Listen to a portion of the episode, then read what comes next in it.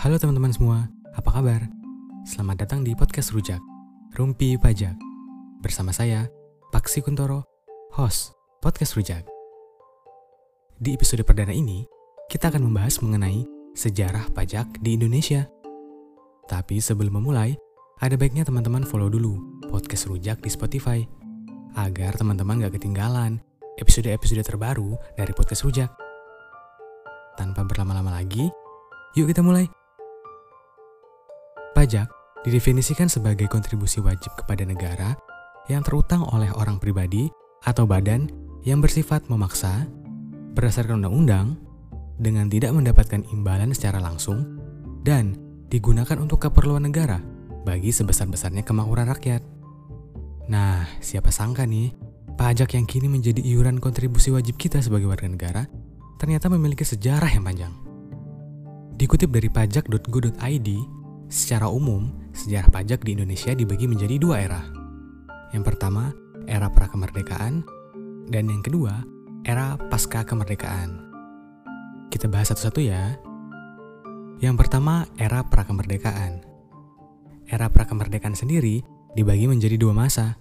Yang pertama, masa kerajaan, dan yang kedua, masa penjajahan. Pada masa kerajaan, sebenarnya masyarakat Indonesia telah mengenal pungutan sejenis pajak, yang dinamakan upeti. Upeti ini diberikan kepada raja-raja sebagai bentuk persembahan karena pada masa itu raja dianggap sebagai wakil Tuhan.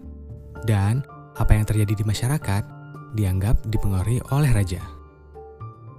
Upeti pada masa itu umumnya berupa uang, hasil hutan, emas, logam mulia, dan lain sebagainya.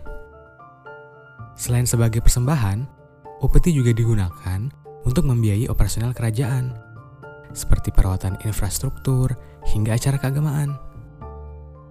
Nah, balas jasa yang diterima masyarakat yang membayar upeti umumnya berupa jaminan keamanan dan ketertiban dari sang raja. Dalam proses pemungutan upeti, beberapa kerajaan ternyata sudah memiliki sistemnya sendiri. Seperti Kerajaan Sriwijaya pada abad ke-3 sampai 12 Masehi, Kerajaan Mataram kuno, Kerajaan Majapahit pada abad ke-13 sampai 15, Kerajaan Aceh, Banten, dan kerajaan pesisir lainnya seperti Jepara, Gresik, Timor, Maluku, Ternate, dan Tidore. Bahkan pada zaman kerajaan Majapahit, Demak, Pajang, dan Mataram mengenal sistem pembebasan upeti, terutama atas kepemilikan tanah yang biasa disebut tanah perdikan. Biasanya pembebasan tersebut diatur dalam belit yang dituangkan dalam bentuk prasasti ataupun catatan dalam kitab kesusastraan. Bergeser ke zaman penjajahan. Pajak pada masa penjajahan ditandai dengan masuknya kongsi dagang Hindia Timur Belanda yang bernama VOC. Awalnya, kedatangan VOC ini hanya untuk berdagang dan melakukan kerjasama dengan penguasa lokal. Namun lama-kelamaan, tujuan mereka berubah. Mereka mulai memonopoli perdagangan, menguasai pelabuhan, kota, hingga beberapa bagian wilayah kerajaan.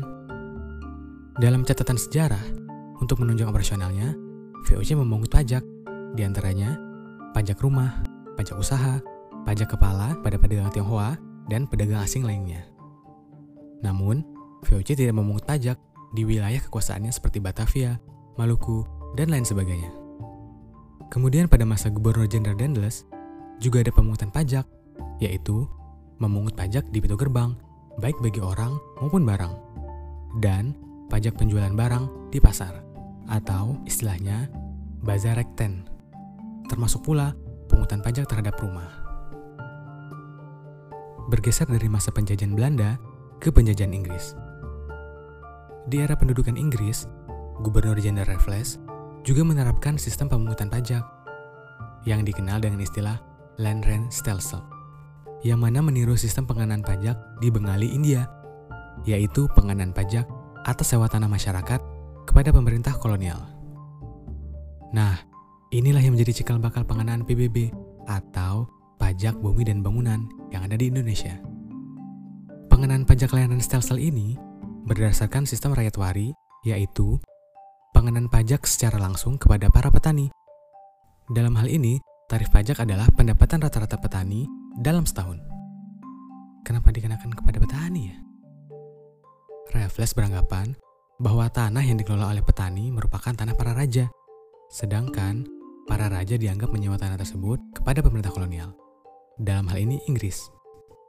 Kemudian, terdapat juga aturan mengenai pajak penghasilan. Aturan atas pajak penghasilan dikenakan kepada pribumi maupun non-pribumi yang mendapat penghasilan di Hindia Belanda. Sebutan Indonesia kala itu. Aturan ini diterapkan oleh pemerintah kolonial Belanda pada awal abad ke-19. Pada masa itu, pajak pendapatan untuk pribumi dikenakan atas kegiatan usahanya seperti perdagangan hingga dikenal dengan istilah business tax. Sedangkan untuk orang non-pribumi dikenakan atas paten usaha seperti paten di industri, perdagangan, kerajinan, manufaktur, dan lain sebagainya, hingga disebut tax patentity. Contoh aturan pengenaannya adalah Ordonanti of the Income Stand Belasting 1908 dengan tarif pengenaan 2% dari pendapatan. Bergeser lagi ke zaman penjajahan Jepang. Kendati masa pendudukan Jepang relatif pendek, yakni tiga setengah tahun, bukan berarti mereka tidak melanjutkan pola atau tatanan ekonomi yang sudah dibentuk sebelumnya. Di periode sebelumnya, tanah menjadi sumber pajak utama bagi penguasa. Dan di era penjajahan Jepang, tanah lebih ditunjukkan untuk melipat gandakan hasil bumi yang penting bagi Jepang. Masuknya Jepang ke Indonesia mengubah nuansa feodal yang diterapkan oleh kolonial Belanda. Jepang juga masih meneruskan land rent yang dikenakan Inggris dan kolonial Belanda terhadap semua jenis tanah produktif. Dan diwajibkan pajaknya kepada desa, bukan perorangan. Namun, pada masa pemerintahan Jepang, nama land rent atau land rente diubah menjadi land tax. Pemerintah Jepang juga menetapkan sistem wajib serah padi. Selain itu juga ditetapkan pembayaran pajak untuk penggunaan fasilitas-fasilitas tertentu seperti jembatan, jalan raya, dan fasilitas umum lainnya. Masyarakat juga diwajibkan untuk membayar pajak sepeda bagi siapa saja yang memilikinya. Semua pajak yang dikenakan oleh pemerintahan Jepang umumnya digunakan untuk operasional perang guna melawan sekutu.